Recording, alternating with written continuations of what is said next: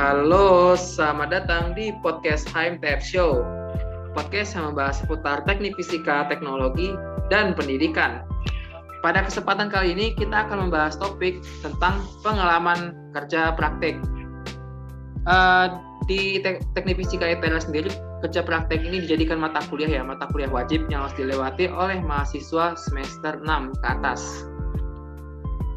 Oke, untuk pembicara kita malam ini kita kedatangan dua pembicara kece ya yang sudah uh, pernah punya pengalaman kerja praktek di beberapa instansi. Kita sapa langsung saja ya. Halo Kak Angel, halo Kak Pras. Halo. Halo. Oke. Mungkin kita kenalan dulu ya. Kak Angel dulu kali kenalan nih. Oke, terima kasih Kak Dani. Uh, halo semuanya, saya Angelina Sally Simbolon, saya Teknik Fisika 2018. Oke, Kak. halo Kak Angel. Ayo, Bang Pras juga kenalan diri nih. Halo, terima kasih Kak Dani dan uh, podcast MTF ITERA telah mengundang saya dan Kak Angel. Baik, saya Imam Prasetyo, uh, Teknik Fisika 2018 2018 dan saya satu angkatan dengan Kak Angel. Oke, salam kenal juga Bang Pras. Oke, kita mulai masuk ke sesi pertanyaan ya. Untuk pertanyaan yang pertama, kakak-kakak ini kerja prakteknya dulunya di mana ya? Mungkin Kak Angel dulu nih yang jawab nih pertama. Oke, uh, kalau saya dulu kerja prakteknya di PT PLN Persero UTK Bukit Asam atau PLTU Bukit Asam di Sumatera Selatan. Wah, PLTU, PLTU Bukit Asam itu ya. Berarti ke bidang instrumentasi kebanyakan ya. Nah, kalau Bang Pras sendiri di mana KP-nya dulunya?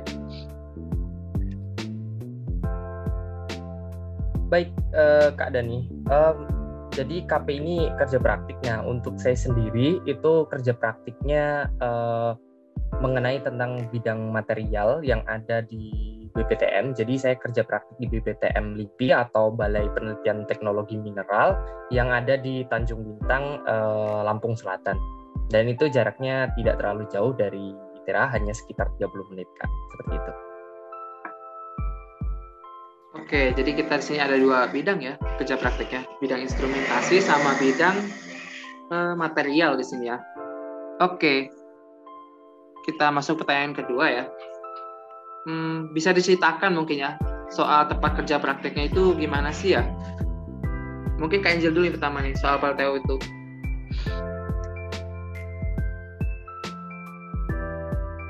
Oke, okay, uh, eh, tentang tempat KP saya kan KP-nya di PLTU ya, pembangkit listrik tenaga uap. Nah di sana ya mungkin bisa kita lihat atau search di Google lah uh, suasana PLTU itu seperti apa dan isinya apa aja.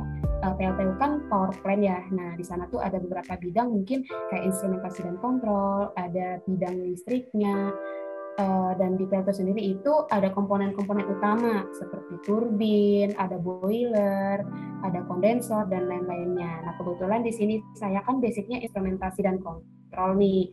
Nah uh, suasana di sana itu ya paling uh, control room gitu. Jadi saya dulu waktu pas KP dikelilingi layar-layar monitor gitu, layar-layar control room di mana di sini ruangan itu tempat di mana mengontrol uh, kinerja dari si PLTU-nya. Mungkin kayak gitu, Kak.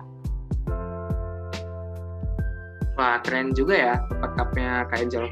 Memang sangat instrumentasi ya di PLTU itu. Sesuai bidang kita, TF. Instrumentasi dan kontrol. Oke, kalau Kak Pras sendiri gimana KP-nya di BPTM LIPI? Bagaimana tepatnya? Iya, Kak Dani. Untuk saya sendiri kan ada di BPTM LIPI. Nah, tepatnya itu kalau misalkan kita search di Google itu kebanyakan tidak ini apa namanya? tidak ada itu karena untuk di dalamnya sendiri tidak terekspos seperti yang ada di tempat Kak Angel tadi yang ada apa namanya di PLN dan sebagainya. Jadi untuk di tempat BPTM sendiri isinya itu uh, seperti laboratorium. Jadi jarang ada orang mau memfoto laboratorium dikirimkan ke ulasan Google atau sebagainya. Jadinya untuk uh, melihat uh, street atau view langsung di dalam BPTM itu agak susah. Akan tetapi di dalam uh, BPTM LIPI sendiri itu terdapat laboratorium. Ada sekitar empat laboratorium di BPTM, yaitu ada laboratorium analisa, laboratorium uh, hidroelektrometalurgi, ada laboratorium pirolisis, ada laboratorium non logam, dan ada satu tambahan laboratorium heat treatment, tetapi ini uh, masih satu project seperti itu dengan uh, pirolisis. Nah, tempatnya di sana itu untuk saya sendiri ada di tempat hidro apa elektrometalurgi. Jadi di sana Nah, tempatnya itu uh, ya seperti laboratorium pada umumnya jika kita search uh, bisa search di engine seperti di Google dan sebagainya. Jadi di sana ada ruang ruangan khusus seperti itu, mungkin ada ruang asam dan sebagainya, berbagai peralatan di sana. Di sana juga ada beberapa peneliti dan sebagainya uh, uh, yang menjalankan penelitian di sana seperti itu untuk di sana sendiri itu uh, fasilitasnya mungkin lebih terbatas kalau kita melihat apa dibandingkan dengan yang Kak Angel tadi itu. Jadi di sana memang tempatnya terkhusus untuk seperti penelitian, lebih ke apa namanya eksperimental seperti itu Kak. Oke, keren juga ya tempat kapnya Bang Pras. Lebih ke arah penelitian yang Bang Pras BPTM itu dibandingkan dengan uh, industri ya berbeda sangat jauh. Iya benar sekali kak. Wah keren juga ya. Boleh nih bagi yang berminat nih di bidang material ataupun penelitian ya untuk KP di BPT MLIPI salah satunya ya. Oke uh, pertanyaan selanjutnya ya. Selama kerja praktik tugasnya ngapain aja ya kak di instansinya atau di tempat kerja praktiknya? Mungkin Kak Angel dulu ya yang jawab. Oke, okay. Eh, selama KP selama KP tugasnya ngapain ya? Hmm, sejauh ini kita lebih ke memahami dan mencari tahu sih. Maksudnya memahami di sini, uh, semisal kalau para tenaga kerja lagi ke lapangan ya kita ikut gitu. Kita memahami setiap apa yang mereka kerjakan dan fungsinya apa. Jadi uh, sedetail mungkin kita mencari tahu gitu. Karena di sini tugas kita itu uh, menggali ilmu ya. Nah, kita itu lebih ke kayak sifatnya anak kecil lah, banyak bertanya. Kalau nggak paham kita bertanya, kalau nggak paham kita bertanya sampai kita paham. Selain itu juga ya kalau semisal dari mereka butuh bantuan kayak kalau ke lapangan nih bawa barang-barang kecil atau perkakas kecil untuk dibawa ke lapangan ya kita bantu gitu sejauh ini nggak banyak tindakan sih selain memahami dan menggali ilmu dari mereka. Mungkin karena faktor saya perempuan kali ya jadi kayak mungkin dari mereka agak enggan gitu menyuruh-nyuruh gitu. Nah juga uh, so far so good sih untuk komunikasi juga kita asik dengan mereka gitu suasana kantor yang sangat hangat dan penuh kekeluargaan, walaupun sibuk dengan uh, pekerjaannya masing-masing, canda tawa itu tetap menghiasi suasana gitu. Jadi uh, kami para junior-junior atau anak-anak yang magang di sana tidak dibedakan sama sekali gitu untuk di satu ruangan gitu. Jadi uh, banyak hal sih kayak tugasnya itu ya dari mentor saya sendiri juga lebih ke gimana caranya kita paham masalah instrumentasi dan kontrol gitu. Kebetulan basic saya di sana kayak dikasih materi kayak bedanya PLC sama DCS dan SCADA itu apa gitu. Lalu kita juga diajak kadang ke e, namanya T20 itu adalah e, isi kepala dari PLTU-nya gitu, pengoperasiannya. Jadi di semua bidang itu kita diajak kita diajak ke turbin, kita diajak ke boiler, sampai ke lantai atas pun. Waktu itu saya pernah gitu diajak oleh uh, tim-tim instrumentasi dan kontrol gitu. Dikasih, uh, pokoknya lebih banyak belajar sih, lebih banyak mencari tahu juga gitu. Kebetulan kan uh, judul saya waktu ka, uh, waktu kerja praktek itu tentang vibrasi ya, tentang getaran. Nah, lebih menggali ilmu di bagian itu gitu. Jadi kayak banyak-banyak wawancara atau mungkin ke lapangan langsung untuk menunjukin kayak alat-alat pendeteksi vibrasi itu diletakin di mana gitu kayak uh, apa sih penyebab vibrasi itu dan lain-lain halnya mungkin kurang lebih kayak gitu kak Dani. Wah ternyata keren juga ya KP di PLT Utarahan. Eh, mohon maaf PLT Utarahan ya, ke bawah suasana. PLT Bukit Asam maksudnya ya. Uh, lebih banyak ini ya, ke instrumentasian. Sangat-sangat menarik ini ya. Itu tadi cerita dari Kak Angel ya jika mau ada yang KP di uh, PLTU ya mau itu PLTU Tarahan ataupun PLTU di Bukit Asam ya yang ada di Sumatera Selatan. Oke sekarang kita dengar dari Kak Pras ya. Kak Pras sendiri gimana?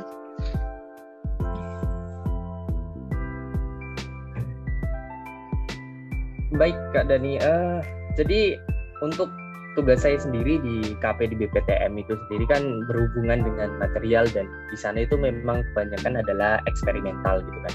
Walaupun di sana juga ada lab analisa, jadi lab analisa itu juga nanti digunakan untuk hasil dari apa namanya eksperimental untuk analisisnya seperti itu. Nah untuk tugas yang diberikan saya apa kepada saya sendiri uh, waktu di BPTM itu uh, diberikan seperti diberikan satu masalah uh, tentang ini dan silakan kamu kerjakan nanti inginnya jadi seperti apa. Dan kemarin saya mengajukan apa? Mohon maaf. Kemarin saya diajukan uh, ada satu bahan yang di sana yaitu uh, bahan bekas limbah. Jadi bekas limbahnya ini yaitu EAF atau Electric Arc Furnace. Jadi ini uh, limbah dari pembakaran uh, batu bara sendiri dan limbahnya ini uh, untuk dari pembimbing lapangannya sendiri mengatakan bahwa ini bisa dibuat uh, produk lain. Ini bisa di recycling atau bisa di uh, daur ulang seperti itu. Dan kemarin uh, untuk fokusnya sendiri di sana fokusnya untuk mendaur ulang dari AF itu sendiri menjadi uh, ZNO seperti itu. Jadi uh, untuk usulannya sendiri apa namanya untuk usulannya sendiri merubah dari limbah itu menjadi ZNO sendiri. Ketika itu diusulkan kepada pembimbing dan pembimbing menyatakan setuju seperti itu. Jadi uh, kita di sana diberikan masalah dan kita menyelesaikan masalahnya. Akan tapi kalau misalkan kita dalam keadaan kuat, kita bisa bertanya kepada pembimbingnya.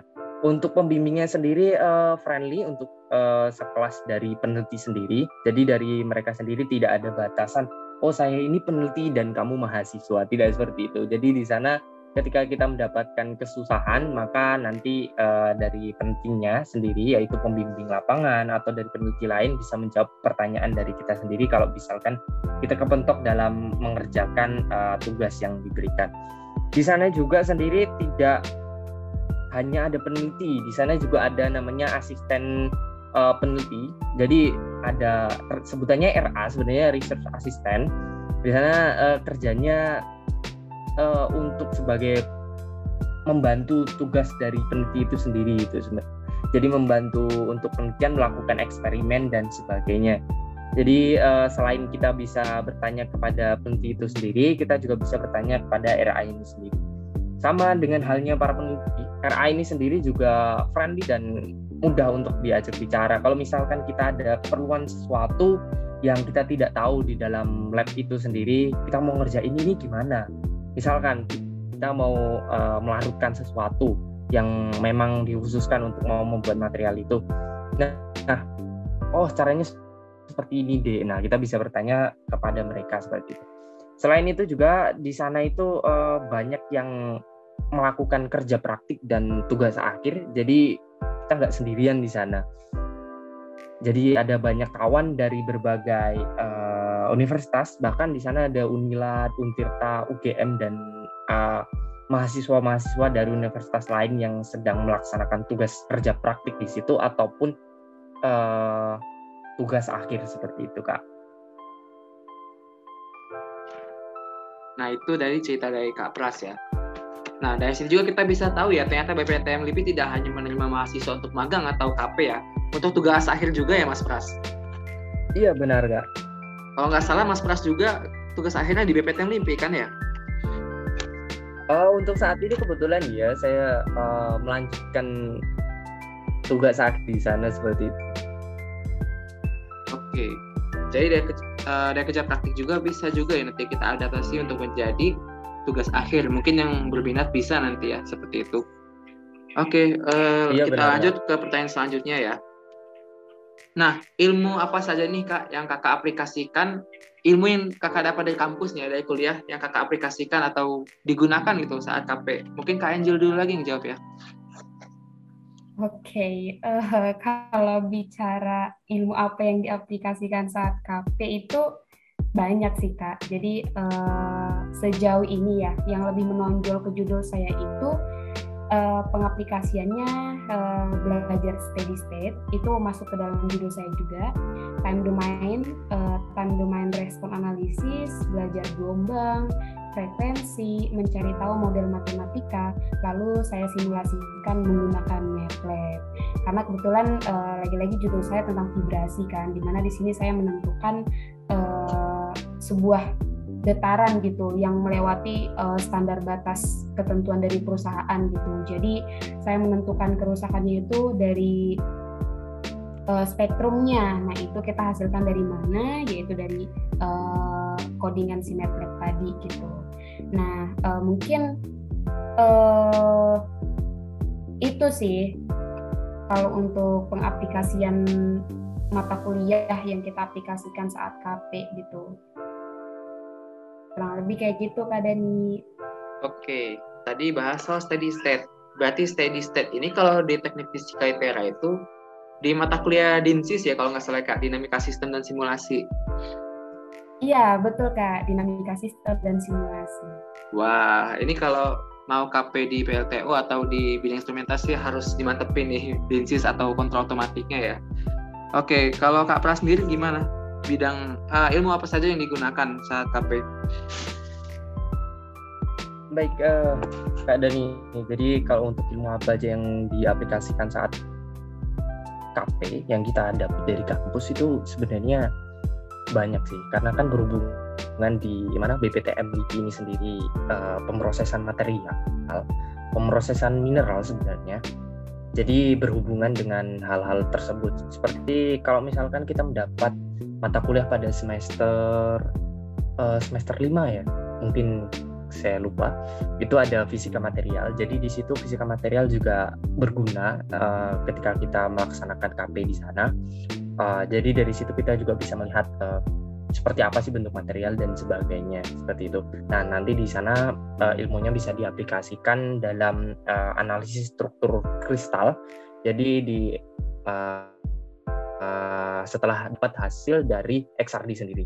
Jadi ini udah konsepnya apa namanya ranahnya ini sendiri sudah ke karakterisasi material seperti itu dan yang lainnya ada banyak seperti pemrosesan material. Nah, pemrosesan material sendiri kemarin memang berguna sih sebenarnya apa memang berguna di sana Kak.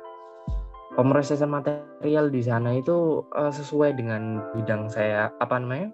bidang saya dan di sana juga sesuai dengan judul saya sendiri di mana judul saya itu tentang uh, pengolahan limbah EAF menjadi ZNO itu jadi di sana yang kita pelajari itu memang terpakai Nah, yang kita pelajari dari pemrosesan material ini kan banyak, seperti pemrosesannya tuh menggunakan teknik apa, nah, dan sebagainya. Karena berhubung kemarin menggunakan teknik leaching, jadi ya digunakan teknik leaching yang sudah kita uh, dapatkan dari proses pembelajaran seperti itu.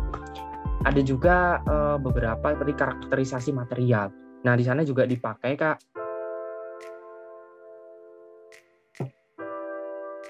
kita melakukan karakterisasi di sana menggunakan XRD, XRF, dan UV spektroskopi, di mana ini sudah diajarkan uh, pada mata kuliah karakterisasi uh, material. Jadi untuk ilmu sendiri yang didapatkan dari uh, mata kuliah di teknik fisika ini sendiri uh, memang sudah sesuai dengan apa yang kita aplikasikan pada saat uh, kerja praktik seperti itu, kak. Oke, tadi itu bidang material ya. Tadi sendiri dari Kak Pras menyatakannya mata kuliah atau ilmu pakai itu di pemrosesan material, fisika material, dan karakteristik material gitu ya Kak? Iya Kak, benar. Oke, itu semua ada ya. Dan itu bisa diambil ya bagi yang berminat di bidang material dan lumayan juga ya dapat diaplikasikan di BPT MUIP di bidang penelitian. Uh, baiklah, lanjut ke per pertanyaan selanjutnya ya. Hal baru apa sih kak yang kakak dapatkan dari pengalaman kerja praktik kakak? Mungkin kak Angel lagi yang jawab ya pertama. Hal baru, uh, pengalaman sih. Ilmu yang paling mahal itu menurut saya ya ilmu pengalaman. Kalau kita nggak terjun ya kita nggak tahu gimana rasanya.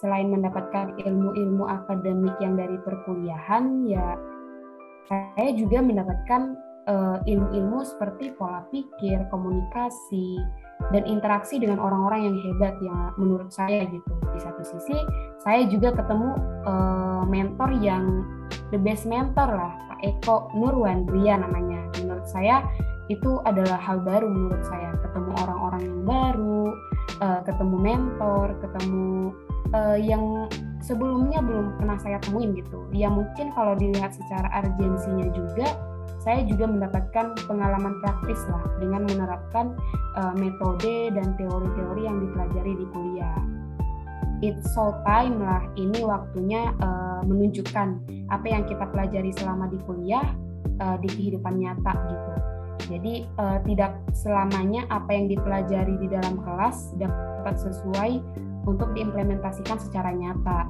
Makanya mungkin uh, ini agak sedikit uh, catatan mungkin ya sebagai uh, yang saya merasa udah udah tua gitu, udah semester tua gitu ya.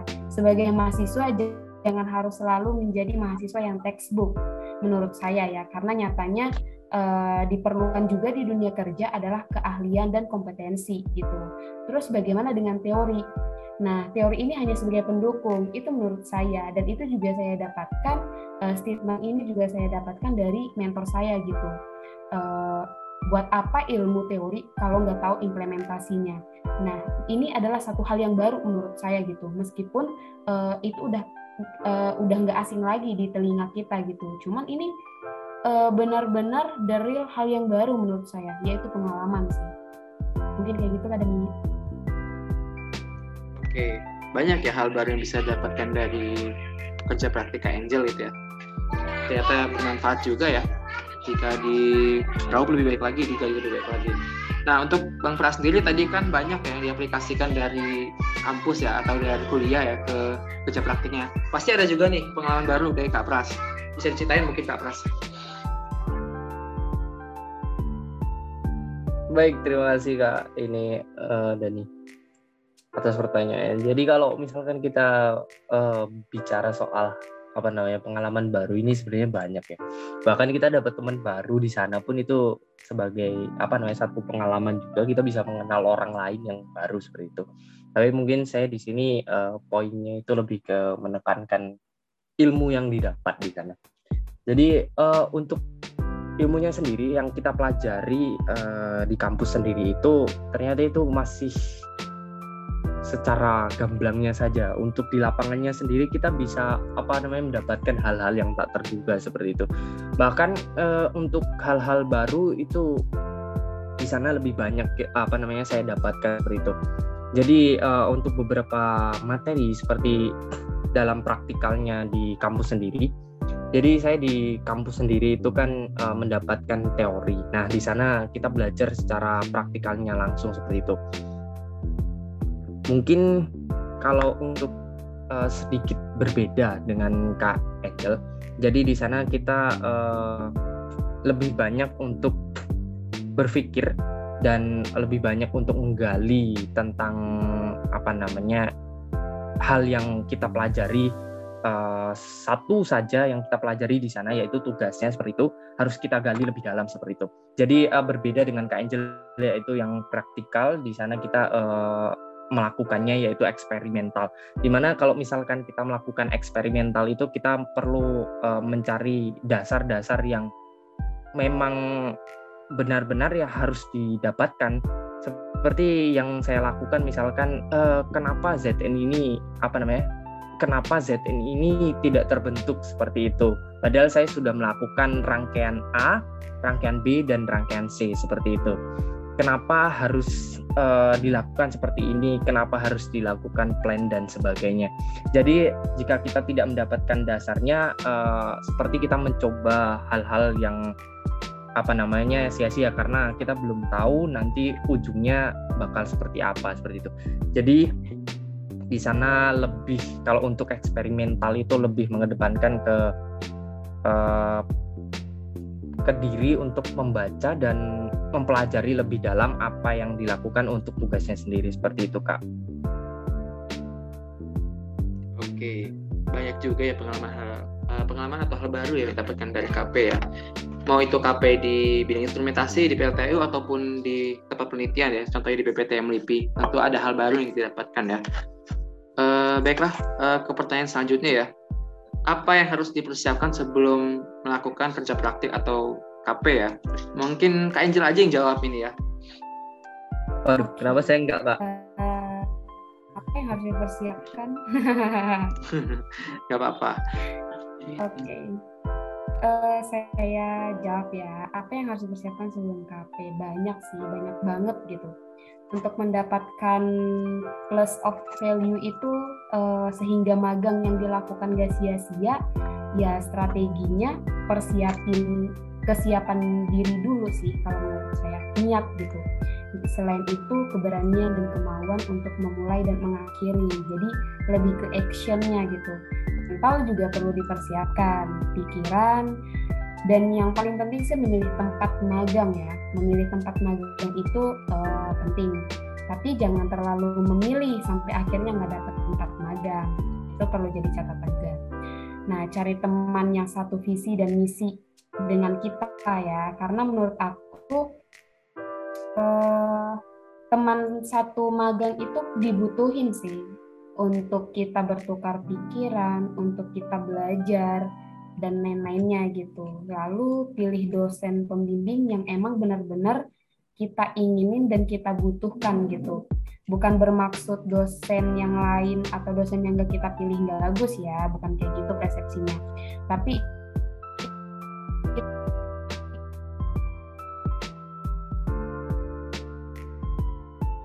itu harus uh, sama sama kita atau mungkin basicnya sesuai dengan judul yang kita ambil itu menurut saya penting banget gitu materi juga menurut saya perlu dipersiapkan karena sepengalaman saya nih ya waktu pas kerja praktek dulu uh, kita diuji gitu. Diujinya kayak kita datang kalau nggak tahu apa-apa ya dari mereka juga nggak mau ngasih apa-apa gitu. Jadi kayak feedback sih kalau menurut saya.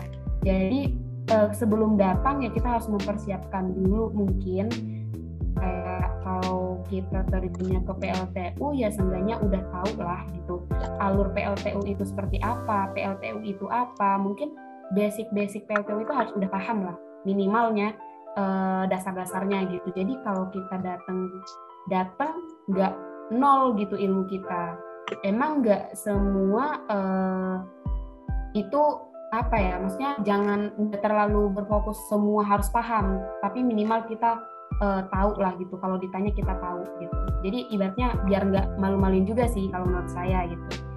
Terus uh, kalau secara pengalaman pribadi juga biaya sangat dibutuhkan dan itu, harus dipersiapkan. Karena uh, saya juga itu hal yang hal yang sangat krusial sih menurut saya gitu. Uh, kenapa? Karena bagi orang-orang yang magangnya jauh ya mungkin cukup jauh lah dari Lampung pergi ke Palembang gitu.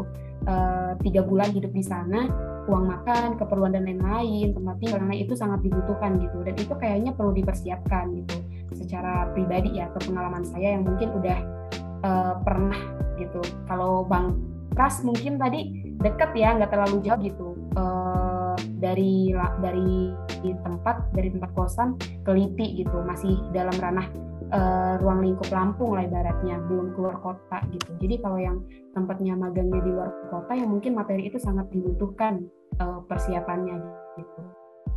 Nah itu juga harus dipikirin matang sih kalau menurut aku kalau magangnya di tempat jauh. Nah dan satu lagi sih yang paling penting dukungan orang-orang terdekat itu harus harus benar jangan pernah dilupakan gitu. Dukungan orang-orang terdekat keluarga mungkin kurang lebih kayak gitu sih Kak Dani untuk persiapan persiapannya oke itu persiapan persiapan yang uh, di ini ya paparkan oleh Kak Angel ya untuk persiapan KP tadi Bang Pras juga mau jawab kayaknya ya mungkin boleh ya Bang Pras kasih pendapatnya juga.